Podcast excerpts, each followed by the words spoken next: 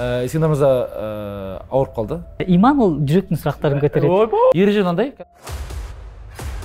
Э, бұған пәтуа беретін деңгейде емеспіз. Біріншісі халал болу керек. Алла тағала кун дейді болады күн құдай тағала инструмент берді қолданамыз а нәтижені алла береді.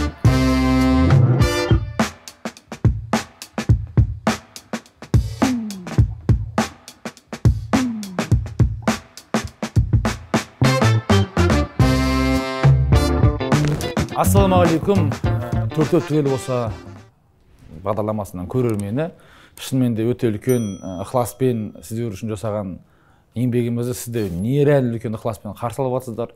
Сіздер қарсы алған сайын біздің жерде ашылып көсілгіміз келеді бірақ ә, ауызға келген нәрсені айта бергеннен ә, жақсылық шықпайды. Сондықтан да бүгін арамызға біздің осы ә, кішкене тақырыбымызға құдайлық илахилық десек болады. Діни бір үлкен аспектіні қосу үшін арамызға рауан ағамызды шақырып отырмыз. Рауан аға қош келдіңіз. Қош келдіңіз рауан ағаны енді танитын адам бар танымайтын адам бар. Ә, енді бұл кісі ә, сондай бір медиа медийный адам ә, емес деп те айта алмайсың. Сіз енді шығып жүрсіз. Иә. бірақ енді недегі ютубтағы кәдімгі класс- классический енді имам кісілер сияқты да үлкен неге шыға бермейсіз? Онда аудитория жоқ. Онда аудитория жоқ. Сондықтан да ә, рауан ағамызды қысқаша таныстырып кетуге рұқсат етіңіздер.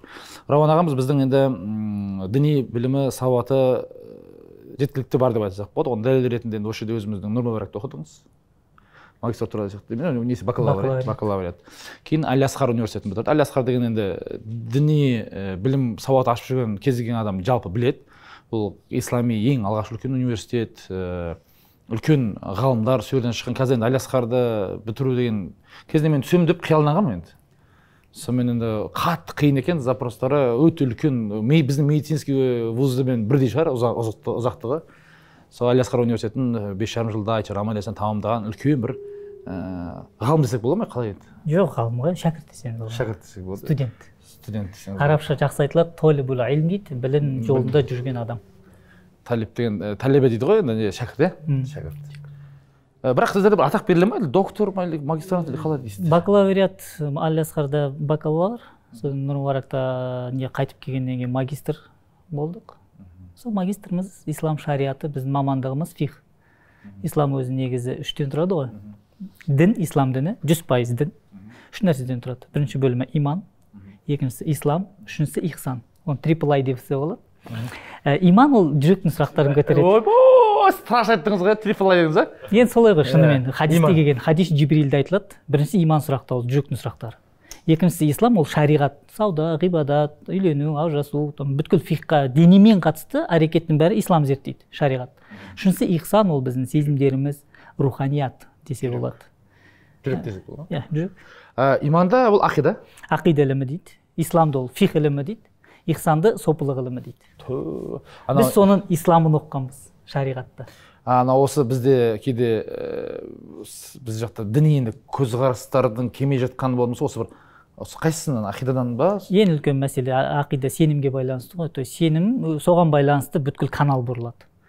Сенімге байланысты. Адам бір нәрсеге сенсе ол солай амал етеді. Фих солай болады. И руханияты да сол деңгейде дамиды. Ана біз имам ағзам ә, имам масхабы деген бұл уже фих фих иә? Қараңыз шариғатта жалпы фихқа қатысты. Негізгі төрт мазхаб бар. Имам абу ханифа имам шафи ахмад ибн хамбал имам малик. Ә, ақидаға қатысты негізі то екі мектеп бар. Оны мазхаб деп айтпайды мектеп деп айтылады. Имам матуриди мен имам ашари. Екеуі бір біріне қарсы жоқ қарсы Емес. екеуі екі саланың маманы ғой. Мысалы имам негізінде ә, имам матуриди имам абу ханифаның ақидалық нәрселерін реттеген негізі имам абу ханифа бірінші өмірінің алғашқы жылдарын ақиданың шыңына шығады. Содан кейін ұстазы жиырма үш жылдан бастап қабылдайды да өзіне өлгенше дейін фихтан тәрбиелейді. Негізі имам абу ханифа көз тірісінде өзі кітап жазғанда ақидадан жазған. Тек атағы фихтан шығып кеткен. Сонда кәдімгідей иә. Фихтан атағы шығу себебі шәкірттер шығарған ғой. Негізі шәкірттері өте керемет болған. Енді рауан ағамыз көргендеріңіздей өте жан жақты кісі. Бірақ бүгін ә, қазір біз келісіп отырмыз. Ә, ешқандай білесіздер бүгін бой без правил ережесіз ә, сұхбат.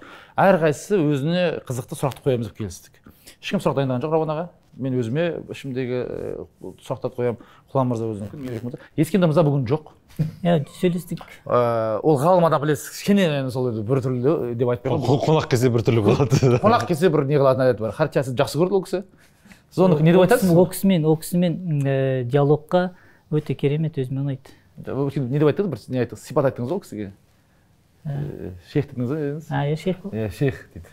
Ескендір шейх қайда дейді?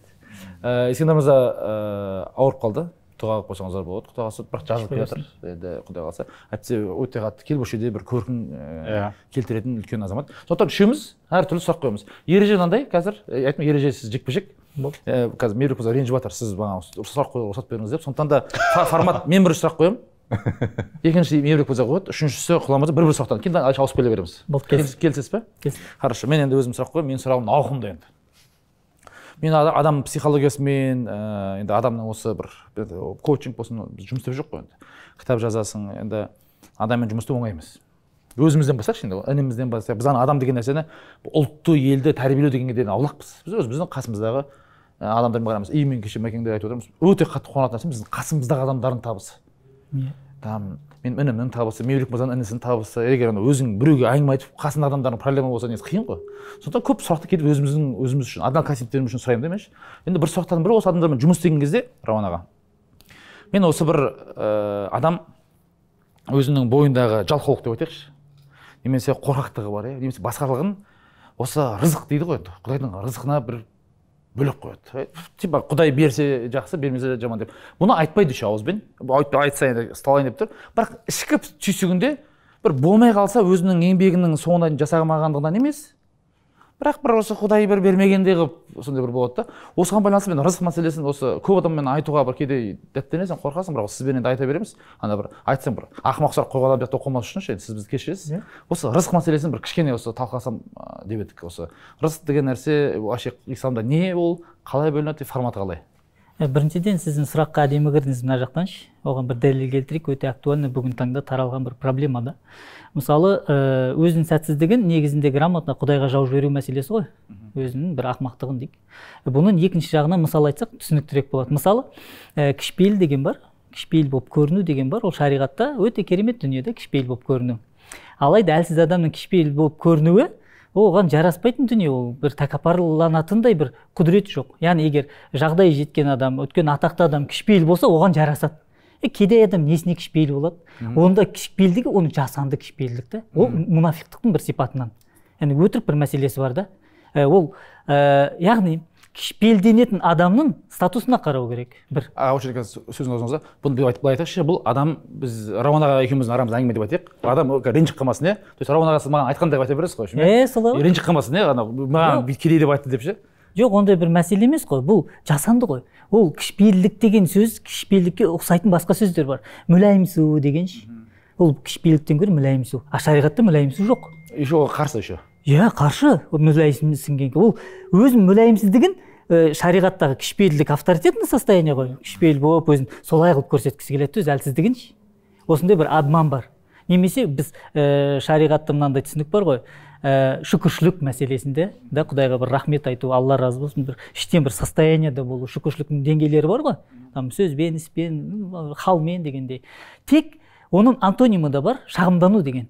Алайда адамдар ә, шағымданған кезде біз енді эволюция дейміз ба? Ә, шағымдану тактикаларының дамығаны сонша біз даже э, официально шағымданбай біз шағымданудың методтарын қолданамыз. И ол асылында ол да шағымдану да. Мысал айтатын болсақ ә, негізінде ә, келе жатып едің бір жолда бір яма шықты дейсің да сен неге шағымданып тұрсың оны? Только ол айтып тұрған жоқсың. Бір ренжіп біреуге ш, ол бөгет болғанына тек соған апарып тұрсың яғни шағымданудың форматтары көбейген. И сіздің сұрағыңыз осы логикадан да. То есть құдай тағалаға адам шағымданады өзінің сәтсіздігін нетеді оны тік тіке айтайын десе енді мұсылманшылық бір иман жібермейді. Иә. құдайға бір ұят мәселесінде түсіндіре алдым ба иә. Оны не істейді? Оның шайтан деген енді мастер ғой азғырудан. И және ол шайтан ұстаз жаманшылықтан. Ол идея тастайды. И көп жағдайда біз оның идеясын өзіміздікі деп қабылдап қаламыз. Осы жерде бір проблема туындайды да фильтрацияда сөйтеміз де шағымдануды мына рызыққа келген кезде сәтсіздіктерімізді өзіміздің ә, қабілетсіздігімізді басқа жақтан жамай бастаймыз. Көп жағдайда ең страдать ететін сала ол тағдыр мәселесі. Тағдырға біз итере саламыз. Негізі тағдыр ол ондай бір жаман дүние емес қой. Тағдырды біз жамандап оған бүйтіп сұрап бергеннен кейін ол тағдыр жаман болып бір қалмайды бұжай қылуға болмайды ғой иә оны жай емес қой тағдыр деген керемет хикметті жаратылыс та алайда біз оны өзіміздің сапасыздығымызбен сауатсыздығымызбен белгілі бір істе маман болмағанымыздың нәтижесі немесе жетілмегеніміздің себебінен қыл- қа- себеп көп. То есть бір темада маман болмадым сәтсіздікке ұшырадым ба оны мойындай алмай ә, тәкаппарлық болуы мүмкін жасырын. Ә, аласында ысыра саламыз да. Ысыра салған кезде кінәлі тағдыр болады оның авторы алла тағалаға ақырындап ысырамыз. Әрине құдайға ренжімейміз дейміз. Тағдырға иман еттік дейміз.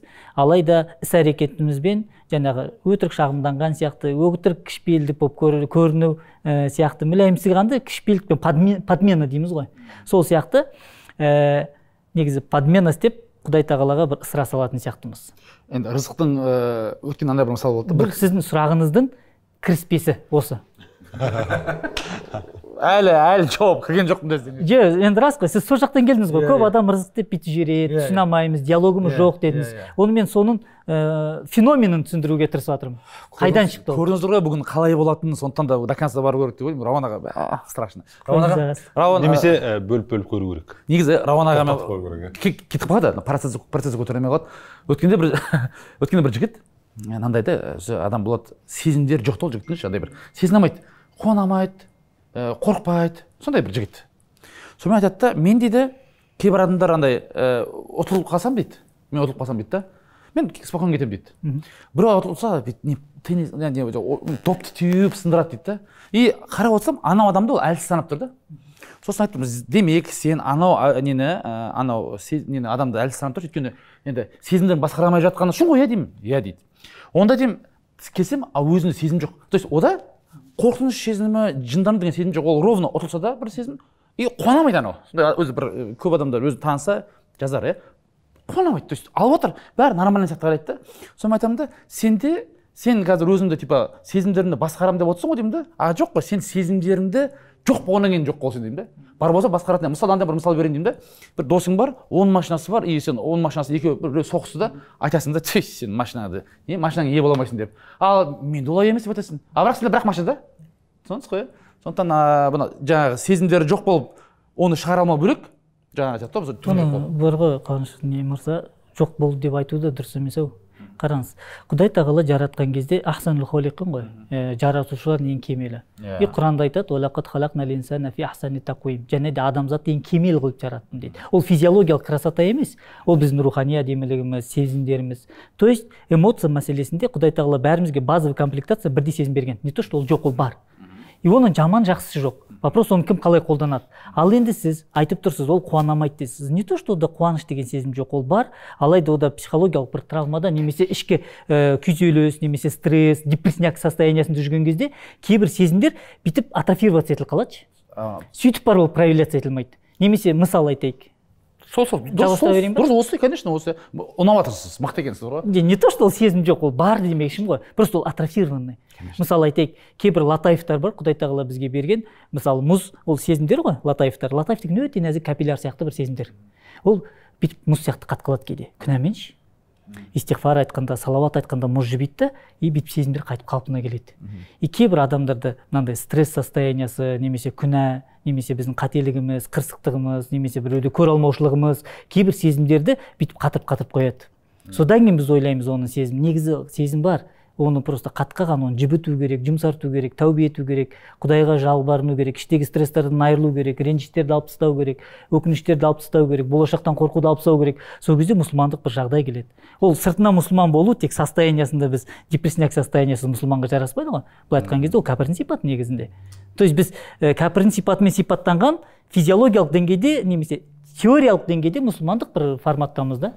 Ана жаңа жігітке енді сол жігітке айтайын нәрсем сол еді сен негізі эмоцияларыңды ә, жөндеу керек деп отырмын жаңағы ол эмоциясынан жоқ қылып жатыр ғой. Негізі дұрыс айтасыз анау. Ә, бірақ андай болып тұр ғой әңгіме ше бізде осы ә, жаңағы жігіт ана жігіт кстати осы хал нормально деп қарайды ғой түсінесіз ба? Осы хал серьезный мінез салады иә мен просто мен серьезнымын и мен серьезный болуым керек ол дейді түсінесіз ба? Ана бір сүюді жақсы көруді қорқуды қорқу тек қана адамға байланысты емес қой құдайдан да бар. Ұялуды ол слабость деп санайды. Қорқудың деңгейлері бар ғой мысалы страх деген бар. Қорқудың ең такой ең такой дәмді кайф беретін қорқыныш ол тақуалық та қараңғылықтан үрейлену ол бөлек. Теңізге түнде барсаң бөлек бір үрей бар ғой да. Иттің үргенінен ол бөлек қорқасың. Немесе скорость жүз алпыстан асқан кезде бір қорқыныш болады ол да бөлек қорқыныш. Но только қорқыныштардың ең ләззаттысы құдайдан қорқу да. И ол мотивация болады. И саған өміріңді заряжать етеді. Яғни қорқыныштың өзінің деңгейлері бар. Абсолютно қорқыныш жоқ деу де ол да бір қате сияқты негізінде. Батыр адам қорықпайтын адам емес батыр адам қорқынышын жеңген адам деп жүр мәселе сол ғой. Ә, жаңағы рызыққа байланысты. Осы ай- айтсақ. Ә, біріншіден енді рызық ә, біріншіден экономикалық призмадан емес енді мен экономист емеспін бір шариғи призмадан қарайық. Ә, шариғатта рызық екіге бөліп қарастырылады ғалымдарда. Рызық біріншісі рызық бар ол міндетті түрде берілетін. Минимум әрекет етсе құдай тағала жеткізіп береді. Ә, осы арада ең қатты үлкен ә, роль ойнайтын нәрсе біздің состояниемыз әлсіздік мәселесі. То есть сила слабости дейді ғой Ә, ол кішкентай сәби там нәресте ән десе болды ғой әке шешесі мамасы там торсық там атасы апасы бәрі жүгіріп кетеді. Не? Ол әлсіздігін мойындады то есть құдай тағаланың бірінші рызықтың түрі бар. Адамға минимум әрекет етсе беріледі. То есть бұл дүниеде аштықтан адам өлмейді деген ғалымдар. Ал енді бүгінгі таңда біз көріп жатқан ашаршылықтан қайтыс болып жатқандар ол құдай тағаланың рызқы міндетті рызқын бермеуінен емес ол берілген просто басқалар тарапынан ұрланған себебінен да яғни адам араласып тұр да. Әділетсіздік болған. Бір адам араласып алып қойған оның несін рызығын африка мәселесінде айтатын болсақ олар ә, аштан өлетін бұл дүниеде ешбір жаратылыс жоқ. Хайуан да мысалы хадисте айтылады ғой бір әйел тозаққа кірді дейді бір мысық үшін дейді дейді. Не дейді? Хабасатха. Оны қамап қойды дейді. Тамақ та бермеді сусындық та бермеді оны есікті ашып өзі рызығын іздеу үшін нетпеді ол аштан өлді нәтижесінде ол әйел тозаққа кетті дейді. Ана рызық несібесін кескен үшін? Кескен үшін. Құдай тағаланың бекітіп берген рызқысын жолынан бөгетпеген істеуін да. Енді кейбір адамдар аштан қалды десе де кейбір адамдар оны искусственный жасанды түрде оны ұрлап жатыр алып жатыр ғой. Біреулердің ақиқи құдайдың маңдайына жазған фундаменталды рызықларын өлмес үшін берілген. Негізінде рызық біріншісі осы.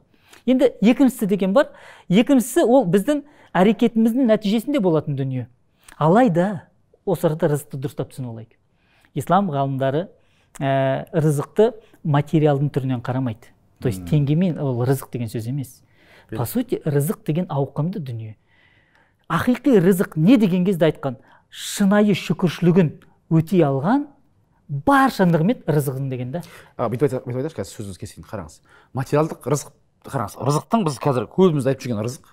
Аға келейік оған. Жоқ айтайыншы бұл материалдық рызық иә көп айтып жүрген. Сіздің Иә. қазір келіп жатқан иә, тақырыбыңыз иә. бөлек. Былай айтқым келіп отыр да біреуге мысалы үшін миллион теңге тапса ол құдайдың рызығы деп қабылдайды. Иә. Бірақ сіз айтып отырсыз негізгі бұл қабылған окей жақсы да. Бірақ негізі исламға қарайтын рызық бұл емес деп отырсыз ғой иә? Бұның артындағы нәрсе бұл бұл миллион теңге сол ақиқи рызықтың ішіндегі бір үш проценті десек болады материальный по сути бізге рызықтар 97 условно айтайын бұл сандарды білмеймін ақиқатында қанша. Но условно айтайық үш процент материалдық десек қалған 97 пайыз бізге ә, абстракциялық рызықтар денсаулық рызық па? Иә. рызық. Ата анаңыз тірі болу рызық па? Рызық. Бүгін таңертең ояндық алматыда прогулка күз тротуармен жүрдіңіз ба бүгін? Бомба ғой. То есть алматының тротуарынан бүйтіп прогулка істеу бүгін сары жапырақтарды теуіп шытырлағанды естіп әдемі сәулені сезу ол да бір рызық та. Біздің бүткіл сезімдеріміз бар құлағымыз бар көзіміз бар. Оны оценивать ететіндей бізге құдай тағала бір қабілет берген да. Сол ләззатты сезе алатын деңгейде. И бұл да бұны рызық деуге болады. Қай уақытта ақиқи рызық рызық форматына өтеді? Шүкіршілігіне жеткен кезде. Егер шүкіршілік өтелмесе ол бар бар ол саған рызық болып ашылмады. Ол бір дүние. Ол дүние болды. Ол саған рызық болу үшін сен оның шүкіршілігін өтеу керексің. Условно айтайық жиырма процент шүкіршілігін өтесең значит мендегі бар рызық жиырма процент та. Жүз процент өтеген дүние болса ол жүз процент рызық болады да рызық бізде тек фи- финанспен өлшенбейді. Иә исламда иә. Біріншіден бүткіл дүниені біз оценивать етеміз.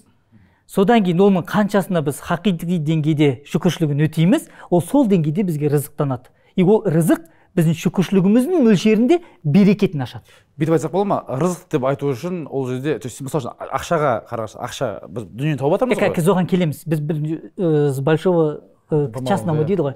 Ол ауқымды рызық деген түсінік осы. Түсіндіре алдым ба? Бала рызық әке шеше рызық денсаулық рызық күнді көруіміз рызық. Егер ол шүкіршілігін өтей алсақ ол рызық болады. Енді тақырыпқа көшейік. Материалдық рызық деген теңге мәселесінде да финанс таза финанстың төңірегінде сөйлесейік. Онда да екіге бөлінеді. Ә, біріншіден ә, береке болып болмау мәселесінде. Екіншісінде халал харам болу мәселесінде бөлінеді. Сипаттарынан иә? Конечно. Өйткені рызықтың бәрі ә, бір деңгейде емес қой. Сіздегі миллион теңге мендегі миллион теңге емес. Өйткені екі адамдағы бірдей миллион теңге беруі мүмкін. Мынау оның әсерін көбірек сезсе мынау положенный деп сезсе мынада рызығы берекесі көбірек ашылады да.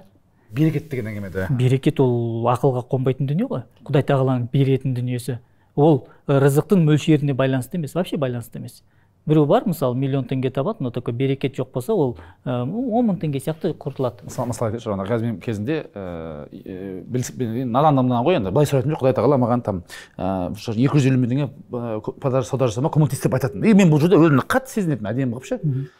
И бір күні құдай тағала берді сол сумманы. Көп рет берді. И қараймын аяқ жағында санасам мен ойла то есть мен ойлағанмын ғой мынау сумма болса значит табамын деп ше аяқ жағына келгенде мен одан төмен тауып жүрген кездегіден аз тапқанмын да сосын кейін мен ә, сұрайтын болдым алла тағала маған берекет бер деп сұрайтын болдым мәселе и мен сізге мысал айтайын бұл болған факт мынау бізде июльдің продажасынан біз енді не сезон ғой июльдегі болған продажа мен осы сентябрьда болған продажа бірдей сумма даже сентябрь сәл аз сәл аз біз июльде жиырма бес миллион теңге убытыққа кіргенбіз сол продажамен операционный убыток дейді ғой. Біз июньде тура сол продажамен почти жиырма миллион прибыль жасағанбыз ғой. Сумма бір сумма. Вот совершенно бірдей. Солай ғой. Ол береке деген осыға оған дәлел мысал айтайыншы. Иә иә. Береке түсінбесе енді білмеймін ақиқатын тек джафар содық деген ғалымнан келіп сұрайды екен. Осы береке деген не депші? Ә, береке дейді дүниеде қой көп па әлде ит көп па? дейді. Сұрап келген адам айтады қой көп дейді да. Қой жылына неше рет төлдейді ит неше рет төлдейді дейді. Қой екі рет ну максимум бір екіден. Ит үш рет и бірнешеден. Адамзат қойды жей ма итті жей ма дейді. Қойды жейді дейді енді сен салып қойшы дейді қалай қой көп онда дейді. Ол аз төлдесе дейді. Оны адамзат қырып жесе дейді. Итті ол көп төлдейді. Оны ешкім жемейді неғып аз дейді ғой. Осы разница дейді. Берекеде дейді. Қандай береке десең дейді өйткені ит түнімен жүгіріп жүгіріп таңға жуық рызық бөлінетін мәселе бар ғой. Таңғы таң берекесі мәселесі ше. Сол уақытта рызық ә, ит мызып қалады екен да кішкене. Сол кезде қой тіріліп күйіс қайтарып кішкене таңның берекетінен алады дейді. Яғни береке ол математикалық формулаға салынбайтын бір дүние да математикаға сын ит көп болу керек. Тек по факту қой көп та. И бұл асылы қойдың бір берекеттенгеннен. Неден?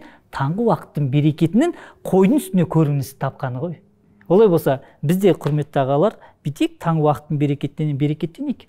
Бұған көптеген хадис бар ғой. Енді бұл тақырыптан кішкене тыс айтып кетейін да рұқсат болса. Ә, пайғамбарымыз саллаллаху айтады аллахумма бәрик аллахума бәрик уммати фи букуриха деген хадис бар. Аллахым менің үмметіме қияметке дейін келетін таңғы уақытында берекет бер деген дұға. Енді пайғамбарымыз саллаллаху дұғасы бәрі қабыл болған біз білеміз жүз пайыздық. Олай болса гарантированно таңғы уақытта береке бар. Пайғамбарымыз дұғасының берекетінің нәтижесінде. Сұрақ одан үлес алып алмау ол бізге байланысты. Ол исламда немесе пайғамбарымыз жоқтығы не берекеттің болмағандығында таңның берекеті болмағандығында емес оның мұсылманның ол берекеттен үлесін алып алмауында жатыр. Олай болса таңның берекетін атымен бере алмаймыз таңның берекетін как бы ұйықтап өткізіп кеткен адамдардың проблемасы ол. Ә, бірақ бұны қазір мысалы үшін америкада там morning clubs бір нәрсе деп отыр ғой. Ә, магия утра дейді. То есть оны қолдан былай деп айтсақ болады ғой құдай тағала бұл формула жұмыс істейді иә иманға қатысты емес. Вообще қатысты емес. Бұл универсальный жаратылысқа берген. Ит ерте тұрса ит берекеттенеді. Дінсіз болды берекеттенеді. Мұсылман бәрі берекеттенеді. Бұл формула универсальный бүткіл жаратылысқа. Мұсылман кәпір деп бөлмей ақ қояйықшы сырада. Керегі жоқ құрсын керегі жоқ. Біріншісі значит берекет мәселесі. Екіншісі? Ә, берекет мәселе халал харам мәселесінде. Аға мына менде мына сұрақ бар да. Көптеген адамдар қазір өздерін таппай жүргендер көп. Яғни мысалы мен қай саламен айналысатынын білмеймін дейді. Біреу айналысып жүрген саласын менікі ма менікі емес па деген сияқты өте күмән көп та мысалы ше осы жағынан мынау құранда жалпы не исламда не дейді бұл мысалы? Адам өзін не үшін таппай қалады? Не үшін қай жерден бір қате жібереміз біз өзіміз осы іздеу барысында?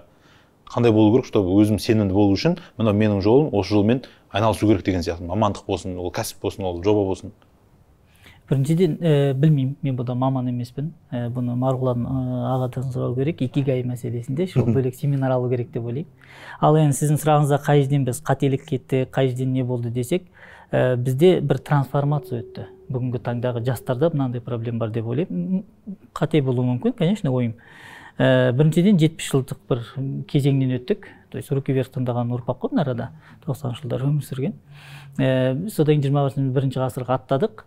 Трансформация өтті. Біз нормально орыс бола алмай қалғанбыз батысқа ашылдық бір батыс болмай қалғанбыз қазақи тамырымызда терең кетпеген бір ортада қалып қалған ұрпақпыз да не былай емес не былай емес. Но на данный момент бізде жетпіс жылдың саясатын әсері тәрбиесі әке шешемізден өтті ғой.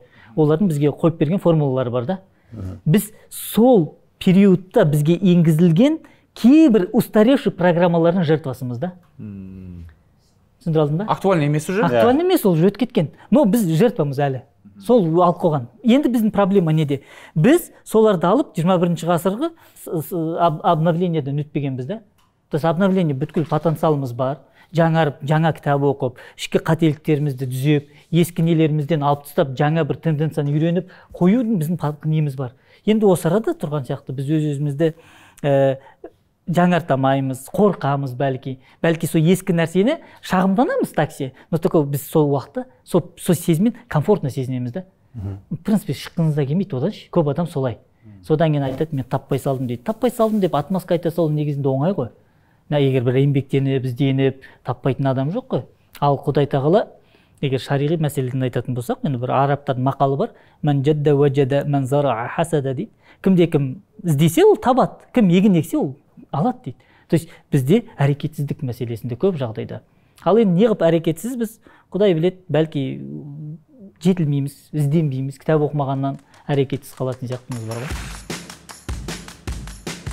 Қазір сенім мәселесіне келеді да мысалы яғни сен бір нәрсеге мысалы америка кеше барған кезде тренингке қатысып конференцияда болдық. Американдықтардың өз ісіне деген сенімділік деңгейін көрген кезде таң қаласың да. Біздегі мысалы қазақтар бар өте мықты мықты қазақтар бар. Студенттеріміздің арасында да мысалы ей мықты жоба істеп жатрсың ғой масштабқа көшсейші енді қазақстан деңгейін істесең е қойшы біздікі деген қарапайым ғой анау яғни үлкен түйедей нәрсені түймедей қылады да. Ал американдықтарға барып сұрайсың немен айналысып жатрсың бір болмаған нәрсе болып көрінуі мүмкін. Бірақ әлемді өзгертетін нәрсе болды дейді мысалы ше бір идеясын айтқан кезіндегі.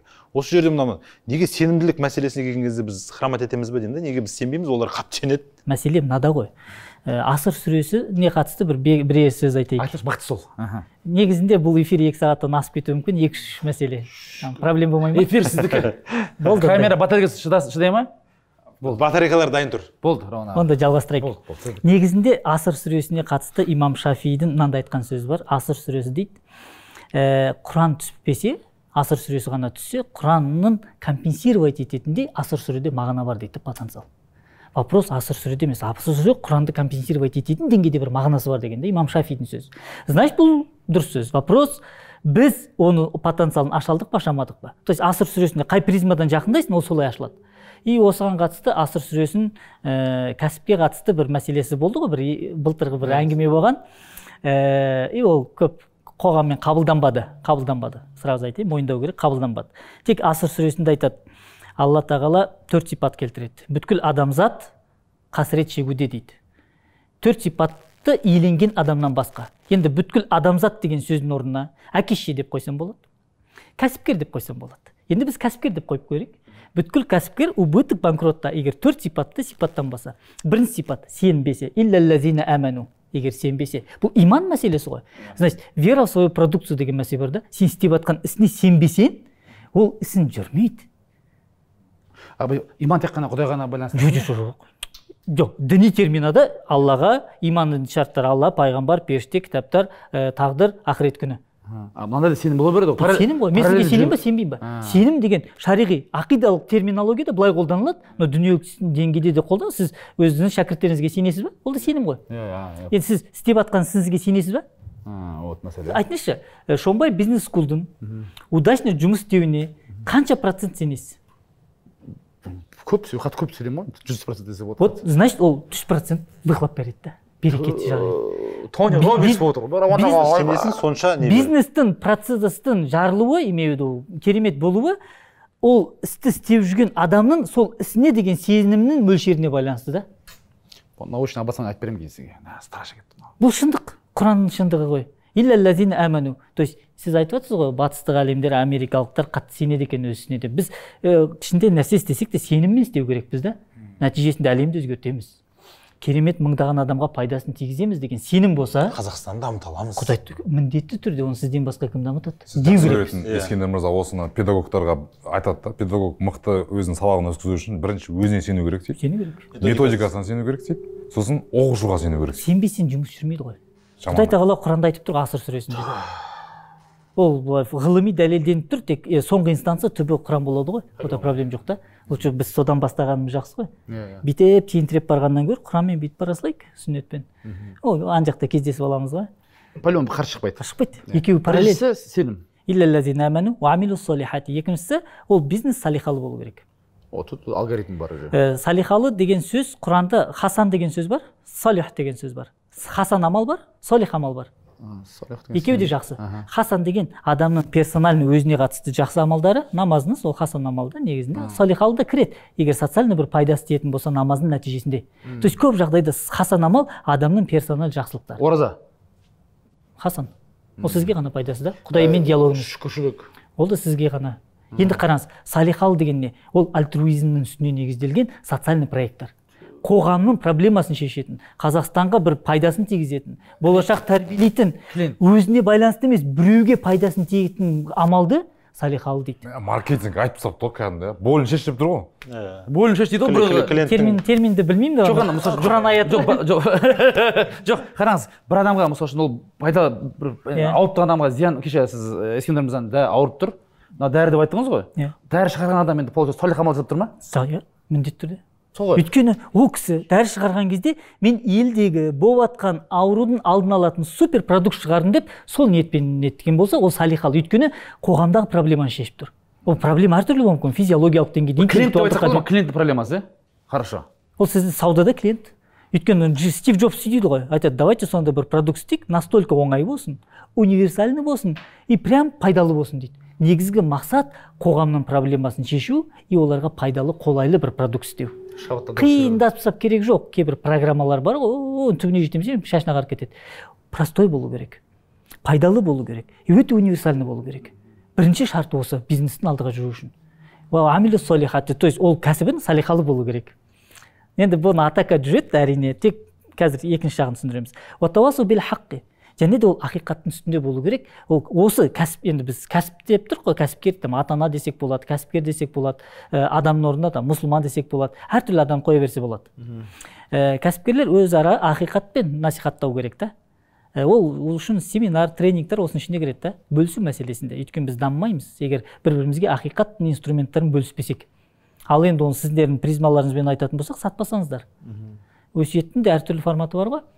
Сату форматы бар былай насихат форматы бар там семинар форматы бар ә, мынандай беседа форматы бар. Төртіншісі уатавасу бил сабр және ол процедурада міндетті түрде анау болады мынау болады сабыр ету керек. Тек шариғатта сабырдың алты түрі бар. Осы арада ғалымдар айтқан содан бастап әңгімені іздегенші активный сабыр деген да?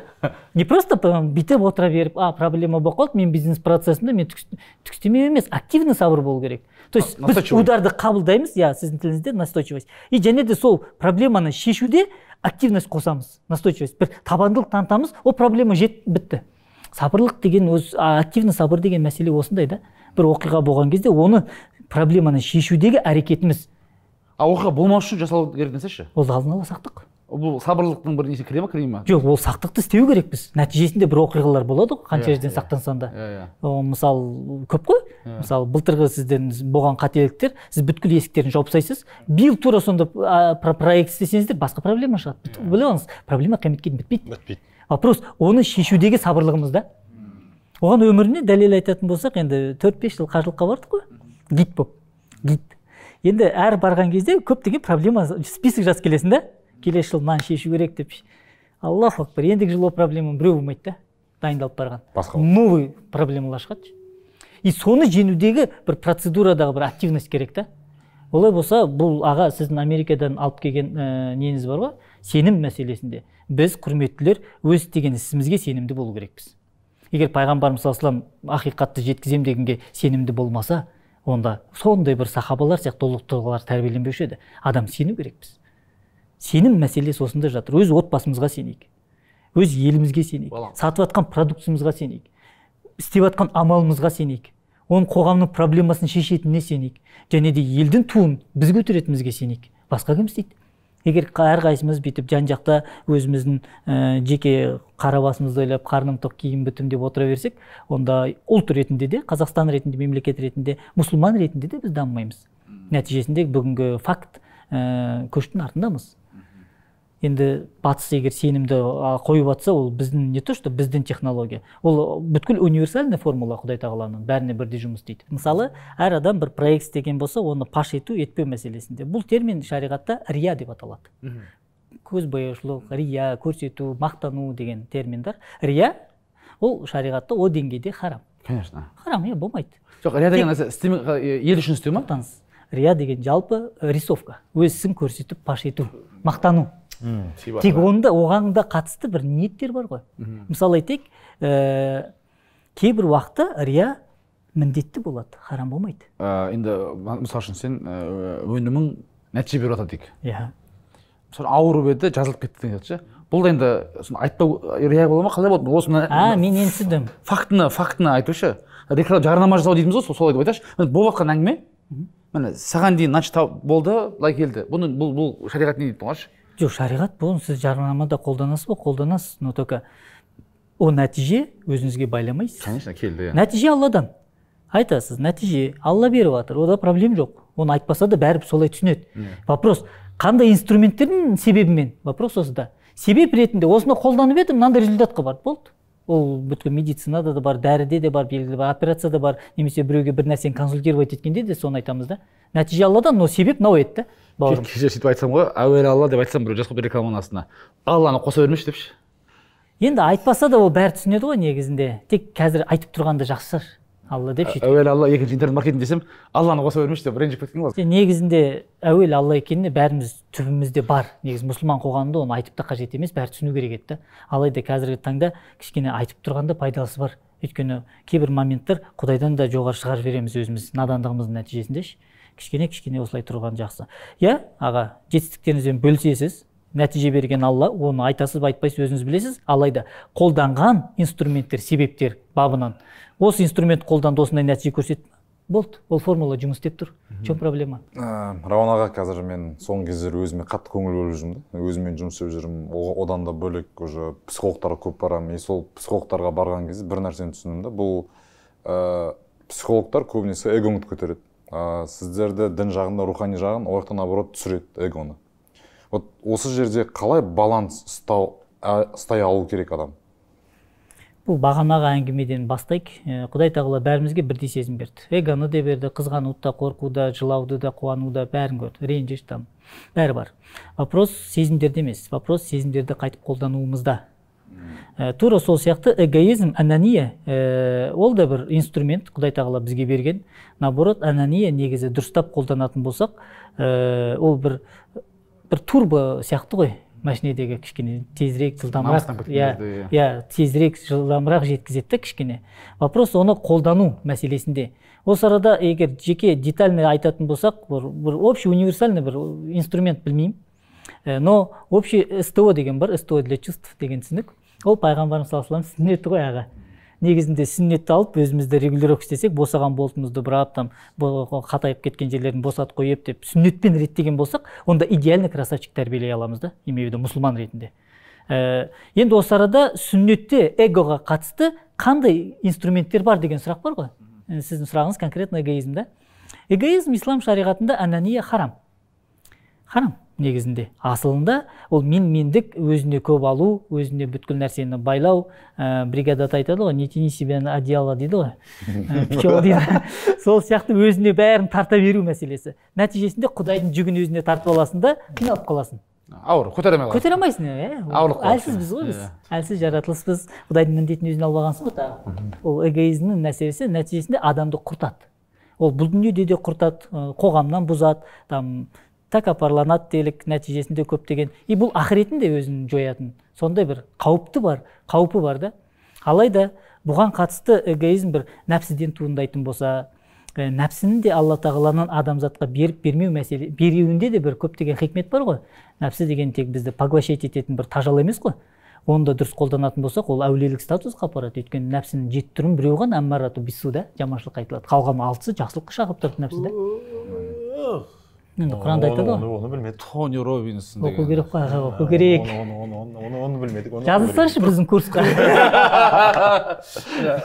жоқ нәпсінің түрлері жоқ деген құлан мырзаны мен қазір переформировать етіп берейін енді бұл кісі андай қараңыз негізі психологияда жүрген кезде личная граница деген нәрсе болады психологияда личный границада сол личный границаны көп адамдар сол эгомен шатастырады например айта қайта қайта қол сұғып затыңды алып қоя бересің сенің например білмеймін ыыы не десем сенің бір дәрің бар оны ішіп кете беретін болса біреу иә түсінікті ғой то есть сенің өзіңнің затыңды қолдану. Мысалы үшін білмеймін сен машинаң бар інің келіп постоянно алып келіп кіргізіп келеді например бұл жеке жеке жеке жеке не? Жеке бір шекара. Бұл жеке шекараны енді қорғамасақ енді бұл ініне ол сол болған жақсы. Әйтпесе ол болмайтын болса онда бір қарындасымызға қол сұғатын болса ол жеке шекара болмайса ол да кетеді ғой негізі. А құдай тағала біздің негізі әурет жерімізді жабудан бастап жеке шекарамызды о басынан қорғап жатыр ғой.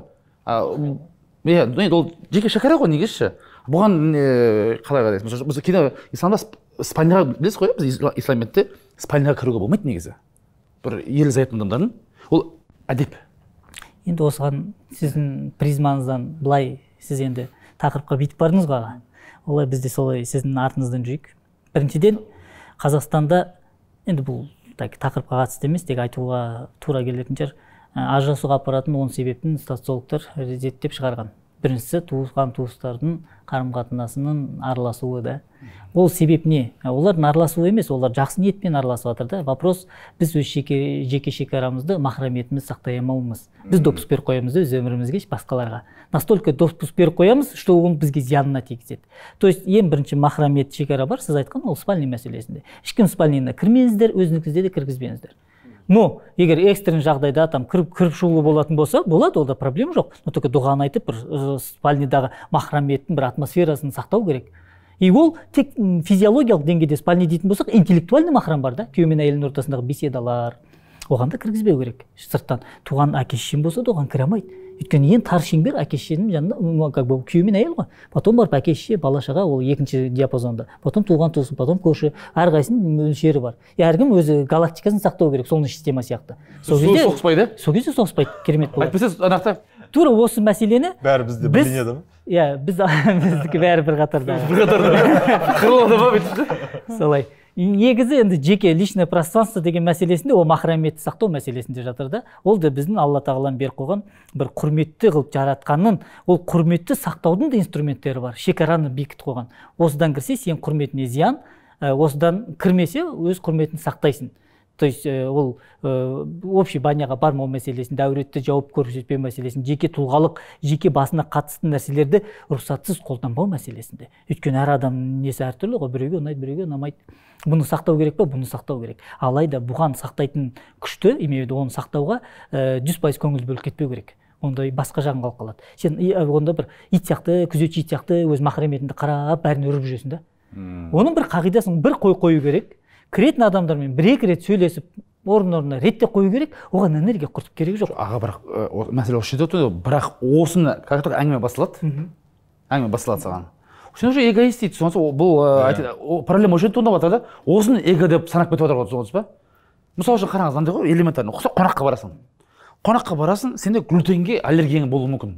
И сен айтасың да «Э, жігіттер мен де глютен жей алмаймын енді то есть оны өйтіп мәдениет керек әдейі бірақ өйтпей мен глютен жемеймін мысалы қамыр жемеймін десең оны эгоизмді қабылдап қалуы мүмкін түсініп отырсыз ба? Өзін жауып кетті өзін жауап кетті деп айтады. А сенің асылында ниетің ондай емес қой.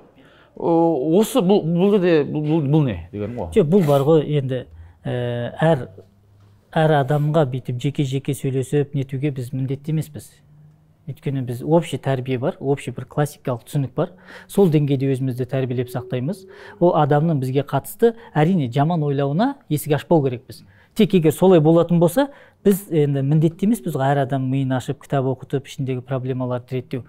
Біраз қиындау болады оны эгоизм деп қабылдаған адам өзі бір ә, қараңғылығының нәтижесі шығар мүмкін. Өйткені шынымен егер оқитын болсақ біз бір біріміздің территориямызды жақсы білеміз. Кірмейміз да. Иә білесің ғой мынадан артық кіруге болмайды. Қанша жерден дос болып барсаң достықтың территориясы бар. Ары қаратай кіре алмайсың. Сол диапазонды сақтасаң достық мықты болып қалады. Иә. а кіріп кетті шығып алыста кет ол бұзылады. Осыны біз үйрену керекпіз. А егер біз енді әрине кейде айтады ғой мысалы өзінше болып кетіпті эгоист болып кетіпті деген сөз мүмкін болса өйткені мына қағиданы инструмент ретінде қолданса болады. Иттақу мавада айшубхат күмәнді мәселелерден аулақ болған абзал. Максимум. Ал егер максимум аулақ болып сақтығыңды істегеннен кейін барып кеттің оған көңіл бөлмейсің да уже. Өйткені біз өз істегенімізді істедік енді шынымен солай нәтижесін алла тағала қияметте көреміз. Кім ақиқатында өзінше болып кетті кім ақиқатында надандығының нәтижесінде біреуге жала жауып күнә алды да. Мен болды ма? Иә мен мен очередім келді. Роман аға рызық мәселесіне келіп қоймайды дейді жаңағы кене деген мәселе деген сияқты. Ыыы құдай тағала берекет енді рызық мәселесінде мен түсінгенім бойынша бұл жердегі енді негізгі ключевой факторлардың бұл берекет. Енді дұрыс не болса. Бұл енді әрекетменен берекет алладан деп айтамыз. Айтуын ай- оны өлтіріп жібереміз оны айтқан кезде де. Бірақ осы ыыы біз енді әрекетменен деп айтамыз бірақ әрекеттің бір енді бір бір параметрлері бар шығар. Мынау әрекет скорее всего берекетке апарады. Мынау әрекет енді берекетке апармайды деп айта алмаймыз құдай тағала онсыз да береді саған проблема жоқ. Бірақ әрекеттердің бір нелері бар ма? Сипаттары. Мынау әрекет сен әрекет жасадың деп айтып мынадан кезде берекет күтсең болады ана пайғамбар ағаш байлап қойды деген сияқты ғой жаңағыша қандай нелері бар? Ә, параметр бар? Мысалы үшін бір жұмыстың берекетке деген үмітіңді ояту үшін енді айта алу үшін не болу керек та то есть одан кейін барып болмай қалса мен істейтінді істедім алла тағала берген жоқ амин проблема жоқ қабылдадық. А бірақ сен реально істеп берекет күтіп отырсың ба? Или сен істемей жатып әшейін болып жатыр ма? Соның не параметрлері бар ма? Бар. Ә, негізінде енді жер еккен кезде де бірінші бидай шашып тастап жыртпайсың ғой бірінші жыртып барып егесің да то есть бүткіл нәрседе белгілі фундаменталдық бір формула бар. Құдай тағала сөйтіп жаратқан да. Формуласыз түк жоқ. То есть ақша табу кәсіптің өзінің формуласы бар. И ол да құдайдың жаратылысы екенін түсіну керек. Алла тағала оны кәсіпте формула ретінде қылып берген. Енді әрекет мәселесінде де бір бір кіріспе айтып кетейін. Екі түрлі пікір бар. Нәтиже әрекетке байланысты емес көп жағдайда. Өйткені екі адам бірдей әрекет етсе де біреу көп алады біреу аз алады да. Иә. ол жағын да дұрыс ескерейік. Яғни жүз пайыз әрекетке байлау ол да бір қателік болады. Біз ол әрекетті себеп ретінде қарай аламыз. Ә, құл ретінде әлсіз ретінде істеп әлсіз біз құдай тағала инструменттерді қолданамыз а нәтижені алла береді. Вот енді қолданғанымызға қандай параметрлер берсек болады ше қолдану мәселесінде бір тест берсек мына- мынаны істеп жатырмын мен дұрыс мен енді әрекетімде де бір гәп болған екен ғой деп айта алу үшін да. Мысалы жаңа айтып отыр ғой бұл понятное дело оразаны жаңа нені жерге тұқым еп жыртқансаң шықпай қалса енді құдай тағала айтты енді әбестік қой. Бұл- бірақ общий бір универсальный бір общий универсальный айтатын түк жоқ аға. Әр саланың өзінің мамандары бар содан нету керек? Ә, мысалы айтайық бала тәрбиесіндегі әрекетті оны бала тәрбиеге мамандан барып сұрап алу керексің да. Бір. әр маманнан сұрау керек. Иә бір. Біріншісі? Жоқ біріншісі халал болу керек. Ниет қой уже иә ниет әлі амал жоқ қой әлі амал жасалған жоқ қой. Қарашы амал жасалған жоқ әлі. Значит ниетің сенің о басынан нормальный болу керек. Ниетің ол- бұның параметрі қандай? Ха- халалдың параметрлері қандай? Зиян келтірмеу керек ұрламау керек. Қандай? Халал а халал ма? Халал деген шариғаттың шеңберінде ә, рұқсат етілген бір амал болу керек. Болды. Ол тыйылған нәрселер өзі шариғатта бес алтау ғана. Сол бес алтаудан алып тасташы қалған миллиардтың бәрі халал ғой. мысалы үшін айтады бизнес басейн деп жатрсың айтады значит арақ істеуге болмайды э, условно говоря зина болмау керек э, понятный күнәлар бар ғой. Окей жоқ. Болды все мен ара айтамын мысалы үшін мен қазір ә, спа салон ашайын деп жатырмын М, әйелді кісілерге арналған жеке нөмірі бар сондай болды все спа спа салон. Әйелге әйел қызмет жасайды. Окей. Окей бітті. Енді келесі мен ыыы андай ғой. В общем түбінде істедім. Түсіндің аға? Екінші параметр мен екінші параметр мамандармен ақылдас мамандар не дейді соны істе дейді мысалы үшін қараңыз мысалы үшін. Құранда аят бар ғой бір мысал айтайыншы. Айтыңыз соны иә. Ә, енді джафар содықтың бір енді білмеймін джафар содықтың деп мен қателесуім мүмкінмін алайда бір дінсіз келеді де сұрайды ғой. Сен бәр нәрсе құранда бар дейсің дейді. Бәр нәрсе құранда бар дейді да мен бір сұрақ сұраймын жауабын құраннан тауып берсеңіз тауып беремін дейді. Онда бір қабыннан қанша бөлке ол кезде раиф дейді арабша. Лепешка нан шығады дейді. Қанша бір қап- бір қабынан Иә, қанша лепешка шығады дейді раиф арабша. Ыыы сөйтіп жүр наубайға деп ертіп барады наубайдан сұрайды. Наубай айтады мынандай размердегі пәленше шығады. Мынандай размерде пәленше шығады жауап қанағаттысың ба дейді. Жаңағы дінсіз айтады жоқ мен қанағатты емеспін сен құраннан жауап беремін деп айттың дейді. Мен саған құраннан жауап бердім айналайын дейді. Құранда аят бар дейді. «Фас'алу ахла зикри ин кунтум ла та'ламун». білмесеңдер білім иелерінен сұрап алыңдар дейді. Мен білмедім маманнан сұрадым дейді. Мен саған құраннан жауап бердім дейді. Олай болса бірінші инструмент ниет екіншісі маманмен ақылдасып кеңесу. Мен осы жерде мыржайын ренжімеңіз иә? Мыржай берейінші. Қараңыз элементарно. Мысалы үшін ә, жаңағы маркетингі бір бөлек. Парилкаң сенің қандай болады? Бұл екіншісі электричество. То есть бұның бәрі біздің ниетіміз таза.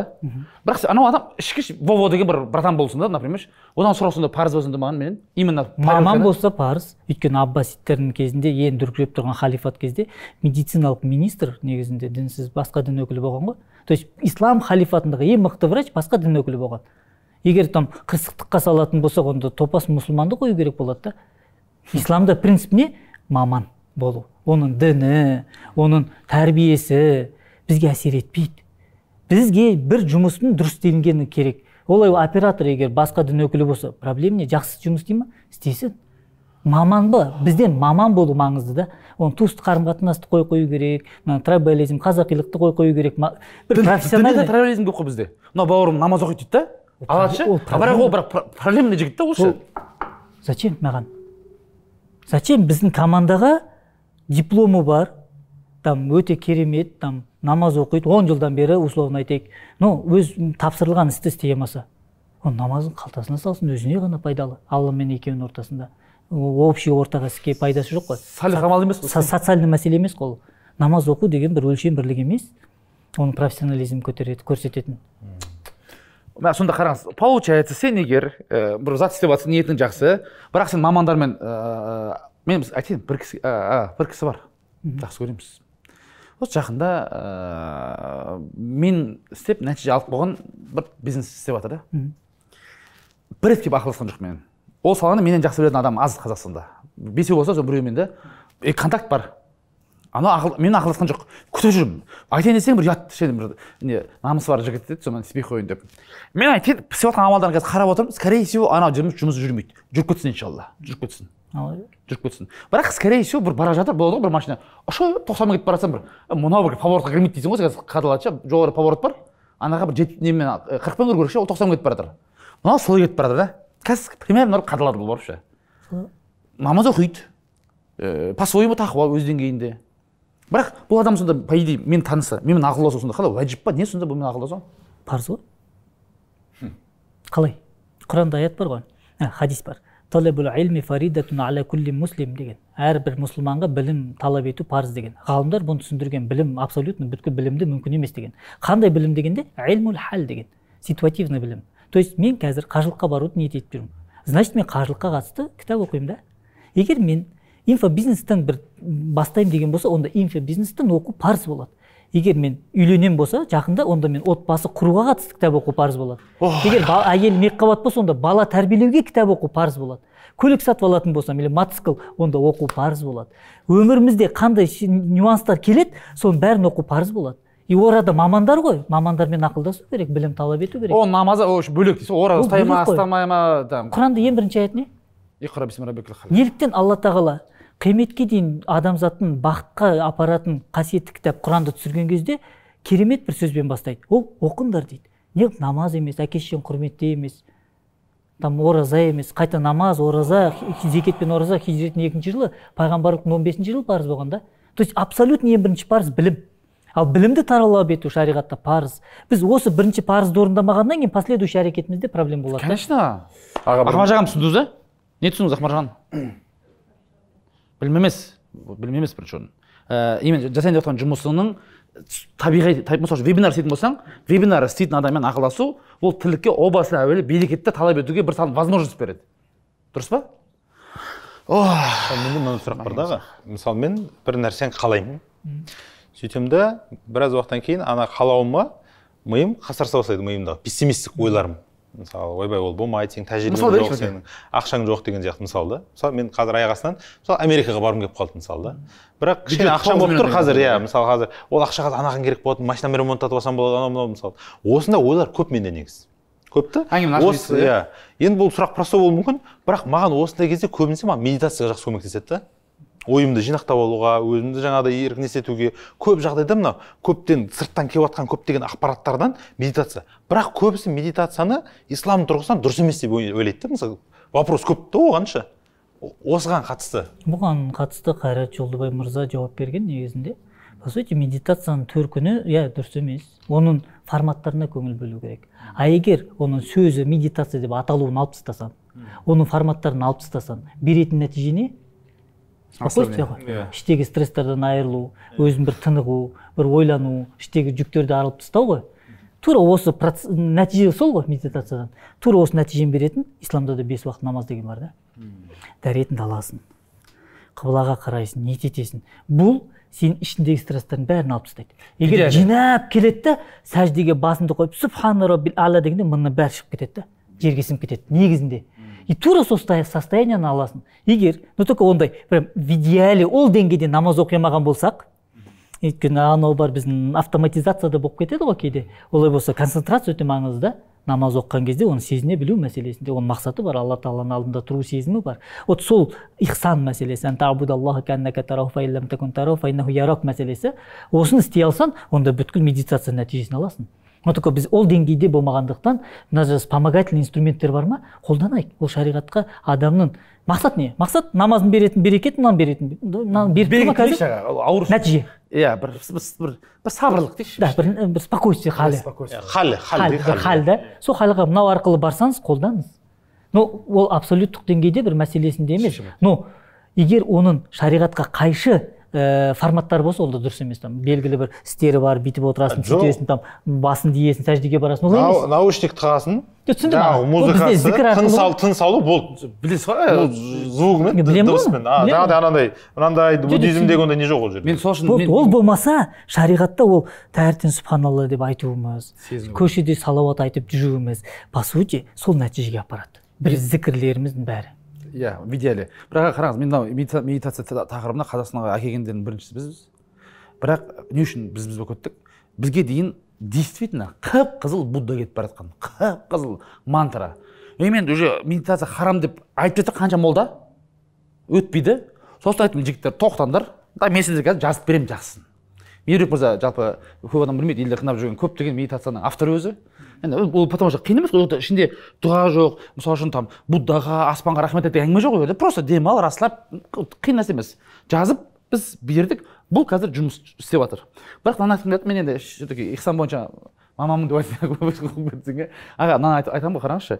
Ә, негізі ә, мысалы үшін пайғамбарда ашулансаң дәрет отыр дейді дәрет ал дейді. Мысалы үшін дәрет дәрет алу бұл тек қана намаздың алдында емес бұл да сабырлықтың бір инструмент ретінде жүреді ғой. Мен мысалы үшін медитацияны көп жерде намаз егер шашаң қылып тастасам а онда көп болады уақыт. Мен қазір жинап алу инструменттерім жоқ болатын болса мен лучше бес минуттық он минуттық медитация жасап аламын да. Өйткені намаз отырамын өйткені намаздың ішінде тұрған кезде дәрет алған кезде сен басылуың керек едің ііі қамат айтқан кезде сен негізі принципиалеп ес, есін жинау керек едің. А бұл белгілі бір қабілет та. То есть ол өте үлкен бір практикадан кейін туындайтын нәрсе. Екінің бірі оны жасай алмайды. Ол деңгейде намаз оқу баршамызға нәсіп етсін иншалла. Деп қояйық иншалла иә. Сондықтан бұның бір біріне альтернатива медитацияның екінші несі ол азан азан тыңдаса мысалы аллаху акбар аллаху акбар дейді аллаху акбар аллаху акбар деп қателейсің ғой кейбір нелерде медитацияларда айтқанын істейсің. Ол дыхательный нәрселерді реттеп аласың сабырлыққа келесің. И муазин азан шақырушының артынан қайталау да ол ол да бізді сол қалып қалып келеді да ей тоқта мына күйбеген күннің ішінде тоқтап есін жиып азанды қайталап алладан басқа тәңір жоқ. Пайғамбарымыз оның елшісі жақсылыққа жиналыңдар тозақтан аулақ болыңдар бір жетістік фалях деген сол ғой бір жетістікке келіңдер. Алла ұлы келіңдер деп бір бір настройка істеп аламыз да бұл бәрі ә, намаздың алдындағы бір нелеріміз. Дайындық. Дайындықтарымыз да. Иә. Сондықтан енді негізі в идеале соны істеуіміз керек еді? Иә бірақ кейде қазақстандағы қазақстандағы исламның былай айтайықшы қазақстан халқының мұсылмандарының ислам деңгейіндегі білу деңгейіміз өте төмен да. Түсіндіре алдым ба? То есть біз әлі тәй тәй басып жүрген начинающий деңгейдеміз. Исламға келетін болсақ глобальный ислам мен қазақстандағы исламды қарайтын болсақ нұр мүбарактың түлектері имамдарымыз алла разы болсын но только бір масштабный емес біз енді енді бастап жатырмық бір сүрінеміз тұрамыз сондай бір процесстеміз енді бір он жылдан кейін басқа нәтиже бола ма? он жылдан кейін басқа нәтиже болады. Жиырма жылдан кейін мүлдем гүл болады біздің қоғам. Иншалла. Иншалла. Бәлки қазақстан ә, жастары жастары әлем бойынша исламның туын көтерген бір ұрпақ шығады да. Мәселе сода ғой. Жоқ шығады. Бәлки емес иншалла шығады. Да иншалла. Сенеміз. Сенеміз. Сіз болмасаңыз кім істейді оны? Давайте біз тәрбиелейік. Мен енді қояйын ба қоймайын ба деп ойлап отырмын. Қоя беріңіз қоя беріңіз. қояйын. Ұнамаса алып тастаймыз. Ұнамаса алып тастаймыз да хорошо. Қазір рауан аға енді білесіз нумерология деген бар астрология деген бар. Енді ондай түрлері көп та. Адамды радология деген бар. Радология деген бар. Туған күнімен ана адамның мінезі қандай ол адам кейін немен айналысады? Бәрін шығарып береді. Осыған не дейсіз? И кей кезде ол нәрселер дұрыс болып жатады да түсіндім біріншіден былай айтайық. Ә, бұған пәтуа беретін деңгейде емеспіз. Маман емеспін зерттеген жоқпын. Бұны муфтияттағы ә, пәтуа бөлімі пәтуа беру керек деп ойлаймын. А берген жоқ па? Берген жоқ. Пәтуа бөлімінде бұған қатысты бір екі мақала шығарылды. Ә, жалпы ондай бір фундаменталдық деңгейде айырып ара жігін айырып түсіндіріп берген детальный мәселе ол муфтияттан күтеміз. Оған ешкім пәтуа бере алмайды. Екіншіден санға қатысты нумерологияға қатысты туылу датасына қатысты жұлдызға қатысты айтатын болсақ ол да алла тағаланың жаратылысынан. Санға қатысты белгілі формулалар бар ма? Бар. Но только оны біз нәтижесінде алладан деп білу керекпіз да. То есть оларды білу оларға сену күнә харам. Тек инструмент ретінде кейбір жағдайда қолдануға бола ма? Қолдануға болады. Өйткені құран аяттың сандары да белгілі формула. Жұлдыздың орналасқаны да алла тағаланың жаратылысында бос дүние жоқ екенін сенеміз да бәрібір мағынасы мағына, мақсаты бар. Алайда тек ол ғана деу ол күнә да. Тек оған сену тек соның артынан кетіп қалу. Сол себептен ондай дүниеге қазіргі таңда қазақстанда мен айтар едім қажет емес. Өйткені бізде имани грузоподъемность ондай вирустарға әлі отпор беретіндей иммунитет әлі қалыптаспады иә. Сол себептен қазақстанда бұл сұрақтарға әлі ерте кіру. Егер шынымен маман болып діни сауаты жетіп имани сұрақтары болмайтын болса онда оқысын зерттесін онда проблема жоқ деп ойлаймын. Оған мұрнын балта шаппайды ондай информациялар артық болмайды. Немесе ә, әбжат мәселесі бар ғой. Оны да дұрыстап түсіну керекпіз. Алайда біріншіден мен маман емеспін осы салада. Мен примерно ойларым қате болуы әбден мүмкін. Ә, қысқаша осылай. Көп нәрсе айта алмаймын негізінде. Исламда ә, жетістік дейді ғой. Жаңағы фалақ деп отырсыз ғой. Иә фалақ бар бізде енді ислам вообще негізі былай жетістік сауда бір успех дейді ғой. Онымен бір не жоқ иә бір проблема жоқ негізі онымен иә. Вообще бізде кейде болып қалды ғой. Сәл байып кетсең бір не болып кетеді солай болып қалады ғой. Мен сразу айтайын аға. Сонда осы бір әу айтып бастан сіз сұрақты жақсы қойдыңыз. Әу бастан ислам дін ретінде идеальный программа. Ешбір кемшілігі жоқ программа ислам. Қияметке дейін обновляться етілмейді ешбір аят ескермейді ешбір хадистің мағынасы әлсіремейді. Қияметке дейін өз статусын жалғастырады. Әр ғасырда жаңа форматта жаңа алып тұрады. То есть исламда вообще проблема жоқ. Проблема мұсылмандарда. Сауатсыз өзіміздің керемет ислам деген программамызға лайық деңгейде мұсылманшылық өмірімізді сұрамай жүрген мұсылмандарда проблема сіз дұрыс айттыңыз исламда ондай проблема жоқ. Проблема бәрі мұсылманда. Но только өзіміздің проблемамызды нәтижесінде кейбір адамдар сырттан қарайтын болса ол исламға не етеді? Ә, негізі обидно дейді ғой. Негізі мәселе осы. То есть біз сияқты өз дінімізге лайық өмір сүрамай жүрген әлсіз ә, надандау кішкене мұсылмандар исламның хаққысын беріп өмір сүре алмаудың нәтижесінде кейбіреулерді жаман ойға итеру негізі осы обидно. Ал енді исламда ода проблема жоқ негізі қуану керек қой жақсылыққа. Ислам не дейді негізі бұл байлыққа байланысты? Енді пайғамбарымыз саллаллаху алейhi сахабалар енді исламда көп әңгіме бар соның екі үшеуіне тоқтайық. Екі үш пунктына бірінші пункт мынандай. Кейбір сахабалар сұрайды ғой я расулалла дейді байлар дейді бүткіл дүниенің сауабын алып кетті дейді да олар қажылық істейді дейді да зекетін береді дейді. Олар намаз оқиды дейді. Біз де оқимыз дейді. Бүткіл амалдарымыз келеді. Конкретно финансовый мәселе келгенде олар озып кетіп жатыр дейді да. Пайғамбарымыз саллаллаху алейhi енді мына таспихтайды мынаны таспихтайды дейді ғой. Содан кейін сонда да озып кетті деген кезде хаза мин фадли робби дейді. Бұл алла тағаланың кеңшілігінен дейді да. Болды онда сен бір ә, бір қарсы келуің зачем? Принимать ет құдай тағала оған сондай бір нәсіп нәсіп етті. Ол өзі солай сұралады оған бір белгілі берекеті бар. Ол да өз берекетін хаққысын беріп жұмыс істетіп жатыр. И біз де өзімізге берілген деңгейде хаққысын беруге уайымдау керекпіз да негізі. Құдай тағаланың кеңшілігіне араласып біреудің құдайдың бітпейтін қазынасын біреуге беріліп тұрғанына там қақпа болу зачем керісінше дұға беріп арттыру керекпіз. Бұл бірінші нюанс. То есть алла тағаланың кеңшілігі. Конкретно бір адам бай кетті ма алланың кеңшілігі. Болды. Ол белгілі инструмент те жұмыс істемеуі мүмкін. Ол кезде? Конечно вообще алла тағала да. Алла тағала күн дейді болады. Екінші мәселе құранда зекет беру парыз делінеді. И ол қияметке дейін болатын парыз да. Или зекет бір уақытта жоқ болып кетпейді ғой ол қияметке дейін амал етілетін парыз да. Значит қияметке дейін байлар болу міндет деген сөз да. Өйткені парыз беретін адам болу керек та егер парыз беретін адамды алла жаратпаса оны зачем парыз қылады? То есть значит бай мұсылмандар жаратылады. И ол құдай тағала нәсіп етеді. Вопрос бізден әрекет етсек құдай береді. Негізі берейін ақ деп тұр. Берекет мәселесі мынандай ғой. Құдай тағала беріп қойды. Берекеттің бәрін рызықтарын рахметін бәрін. Вопрос біз әрекетімізбен оны есігін жауып қойып жатырмық та. Күнәмізбен қабылдамауымызбен тәкаппарлығымызбен мойындамауымызбен қорқынышымызбен біреуді көре алмауымызбен қызғанышымызбен. Ал енді бұл есіктер берекеттің есігін жабатын әрекеттер ғой. Құдай айтады мен саған бергем дейді. Аспан жер аспанына түсірілген алланың берекеттері.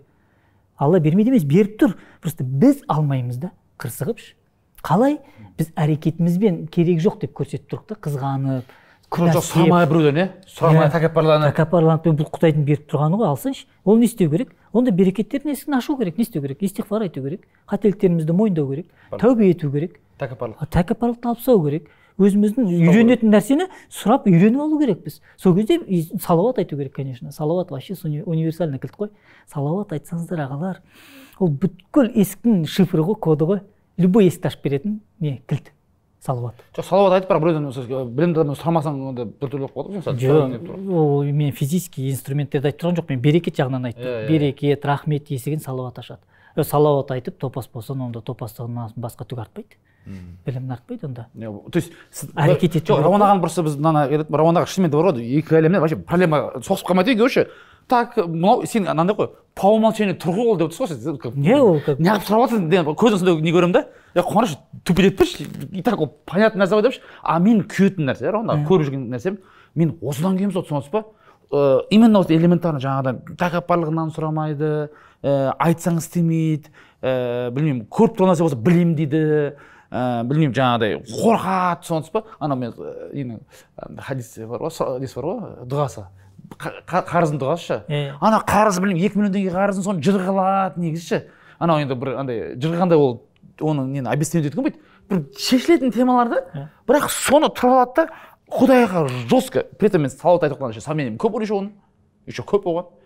Сөйтті а бірақ істегенде бірінші істейді. Біз енді мәкең біледі мәкең екеуміз енді екі жүз жетпіс миллион теңге қарызы жүз сексен жеті миллион теңге мойындаған қарыз бұл қасымдағы әріптесім енді. Біз енді салауатты бар жаңағы бар шаптық көмектесті ма көмектесті. Но бірақ только сенде әрекет болу керек қой. Рауан аға әрекет по любому сияқты болып көрінеді да сіздің сөзіңізден тісің ауырып жүр емдетуге бармайсың. Бірақ жаңағыдай айта бересің ана жақтан ше? Маған бір нормальный тіс бермейтін болды деген сияқты болады болмайды ғой емдету керек қой. Негізінде әрекет ету керек қой. Мұхажирлер де ансар мұхажирлер де меккеден мәдинаға көшіп бара жатқан кезде мен бір логика айтуға тырысайын сіздер түсініңіздер. Ә, мәдина қаласы еврейлердің қаласы еді. Полный рынок еврейлердің қолында еді мәдина қаласында. Базар. Местный арабтарда тым жоқ еді. Олар соғысып қырылып сол короче жүрген. Сөйтіп мәдинадан мұхажир сахабаларымыз пайғамбар көшіп келеді и бірнеше уақыттан кейін полный рынокты алып қояды. Тарқала ма? Вот именно гоп стопсыз полный рынок мұсылмандарға өтіп кетеді еврейлер жұмыссыз қалып қалады да.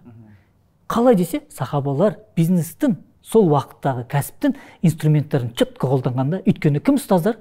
Пайғамбарымыз саллаллаху алейхи олар бизнес инструменттерді ғасырлар бойы сол жақта әулие болып жүрген еврейлердің инструменттерінен озып полный рынок мұсылмандарға өтіп кетті еврейлер айтады ғой біз кеттік деп кетеді оның әртүрлі себептері бар конечно. Но только олар жұмыссыз қалады мәдинада. Неғып бүткіл рынок бизнестің бәрі мұсылмандарға өтіп кетеді. Неғып пайғамбарымыз оны бизнес проекттерді үйретті сахабаларға. Көшіп барған кезде айтады ғой маған базарға жол көрсетші әрекет сұрады. Ой мен мұхажирмін деп келіп жатып алған жоқ. Олар айтты маған айналайын рахмет маған базарға жол көрсет болды. Сөйтіп барып енді сол кісі ғой ә, абдурахман ибн ауф қой. Өте қатты бай кеткен да тиесіз байқаған ғой нереально қатты байыған только беріп таратып үлгереді құдай тағала беріп қояды. Не ол инструментті дұрыс қолданды. И ол бірінші сұрағы болды. Базар қайда деді. Да ана айша анамыз не керуенмен келгенде дауысы қатты жүгірді сол сол кісі ме еді? Мен білмеймін оқиғаны анау қойып айтады содан бір несін берсін дейді керуен берсін дейді ғой соны анау ойланбай бере салады ғой. Негізі. көп анау келгенде мединаның дауысы дірілдейді дейді ғой анау. керуен көп қой ана жаңағы түйелер болып келе жатыр ғой. Сол нөл болып келген деп. Жүз вагон не зат кірген сияқты ғой жүз түйе келсе. Ойласаңызшы қатты бай болып кеткен ғой ана енді. Соны береді ана сұрайды бер дейді еще көп садақа берген. Әрине өйткені олар өмірлік философиясы беру үшін өмір сүрген. Алла деген маған нәсіп ет берем деген да. Мен өзім үшін демеген. Мені қоршаған қоғам бүткіл финансовый проблеманы маған жабуға нәсіп ет деп дұға ететін болған да. Мен шешейінші осының бәрін мен берем деп жұмыс істеген да. Бұған енді әңгімелер бар ғой. Бір досы келіп қалса керек. Қалайсың десе жақсымын. Бар кезде сабыр етеміз ә, жоқ бар кезде шүкір етеміз жоқ кезде сабыр етеміз десе ә, дос айтыпты сен басраның иті сияқты екенсің ғой депті да. Басраның иті? Ә. дос таң қалып қалыпты неғып олай айттың десе басраның иті де сондай деген да. Бар болса жейді шүкіршілік етеді жоқ болса сабыр етеді. Сен адамсың ғой құдай тағала саған берді ғой адамдық статусты. Кім кім айтқан бұны? Ұнады маған кім айтты кім жоқ бұл точно бұл жоқ егер нетсе іздесек табамыз бұл кітапта бар оқиғалар ғой. Сен адамсың ғой дейді да. Сен әрекет ет үшін өмір сүрсеңші сен басқаларға өмір беру үшін өмір сүрсеңші сен сол үшін әрекет етсең құдай берекет бермей ма? Сен жеке қара басыңды ойлап мен сабыр етемін аш болсам бар болса шүкірімді етіп қоямын деген ол итке жарасатын сипат дегендей бір сипаттап берген да. Негізінде өмірдегі сүру мақсатымызды дұрыстап қойып алу керек. Енді осы арада бір сұрақ айтып наверное не етейік бұны округлять етейік. Мұсылманның девизі не ұраны. Шариғатта оны альтруизм дейді ғой жить чтобы другие жили. Басқалардың бақытты өмір сүру үшін өмір сүру. Мен бармын басқаларға пайдалы болу үшін. Ал ақиқи бақытты өмір иман. Енді біздің сенімімізде иман ғой. Иман ғой ақиқи бақытқа апаратын екі дүниеде. Олай болса мен бармын иманға пайдалы болу үшін. Иманға не пайдалы болса мен сол жолда өмір сүремін да. Құдай деу керек бізді жаратқан екенсің бізге осындай білім берген екенсің қабілет берген екенсің дүние берген екенсің. Жарату мақсатына сай өмір сүруді нәсіп ет деу керек. Ал біздің жаратылған мақсатымыз қоғамға пайдалы болу үшін адамзаттың иманмен нұрланып бақытты өмір сүру үшін бар едік та сол жолға интеллектпен финансовый немен уақытымызбен денсаулығымызбен үйіміздің есігін ашып қонақ шақыруымызбен қандай пайдамыз тиеді барлығына біз дайынбыз. Алла бізді сол жолда қолдан деп дұға ету керекпіз. Алла иншалла баршамызды ақиқаттан тайдырмасын. Адамзатқа қоғамға елге қазақстанның дамуына үлес қосатын құралдарын қылып қолдансын үлкен үлкен ә, мақсаттарға жеткізуді нәсіп етсін. Өмір сүрудегі призмамыз немесе бағытымыз ниетіміз бен амалымыз параллель болсыншы кейде ниетіміз былай амалымыз былай болып кетсе ол да болмайды екен да. Алла тағала осыны нәсіп етсін баршамызға. Әмин роман аға енді бұл сіздің алғашқы ә, айтады ғой ағылшындар first but not least дейді алғашқы бірақ енді соңғы емес біздің ә, Иншалла. осы неңіз болды деп ойлаймыз. Біз де негізі бір подарок береміз ішпесші ә, бұған сіз мен көргем сіздердің подарка деген кезде. Үйден кетіп бара жатқан кезде әйелім де айтады «Е, подарок сұрайды сенен дейді не бересің? дейді. Мен ойландым в принципе сондай бір әкетіп бара жатқан түгіміз жоқ не қазіргі таңда. Сүннет энциклопедиясы деген кітабымыз бар ғой. Ә, иә бізде мысалы командамен істелінген аударылған он үш томдық кітап. Әр том бір бес жүз беттен. Қазір Ай, қалай қалай? он үш том қарай бес да Есіміз соның сегіз мың бет. Сегіз. Мың бет па? Сонда получается он үш жоқ жоқ. Алты жарым мың бет. ол команданың жұмысы ғой біздікі емес Ә, соның қазір алты томы сатылымда.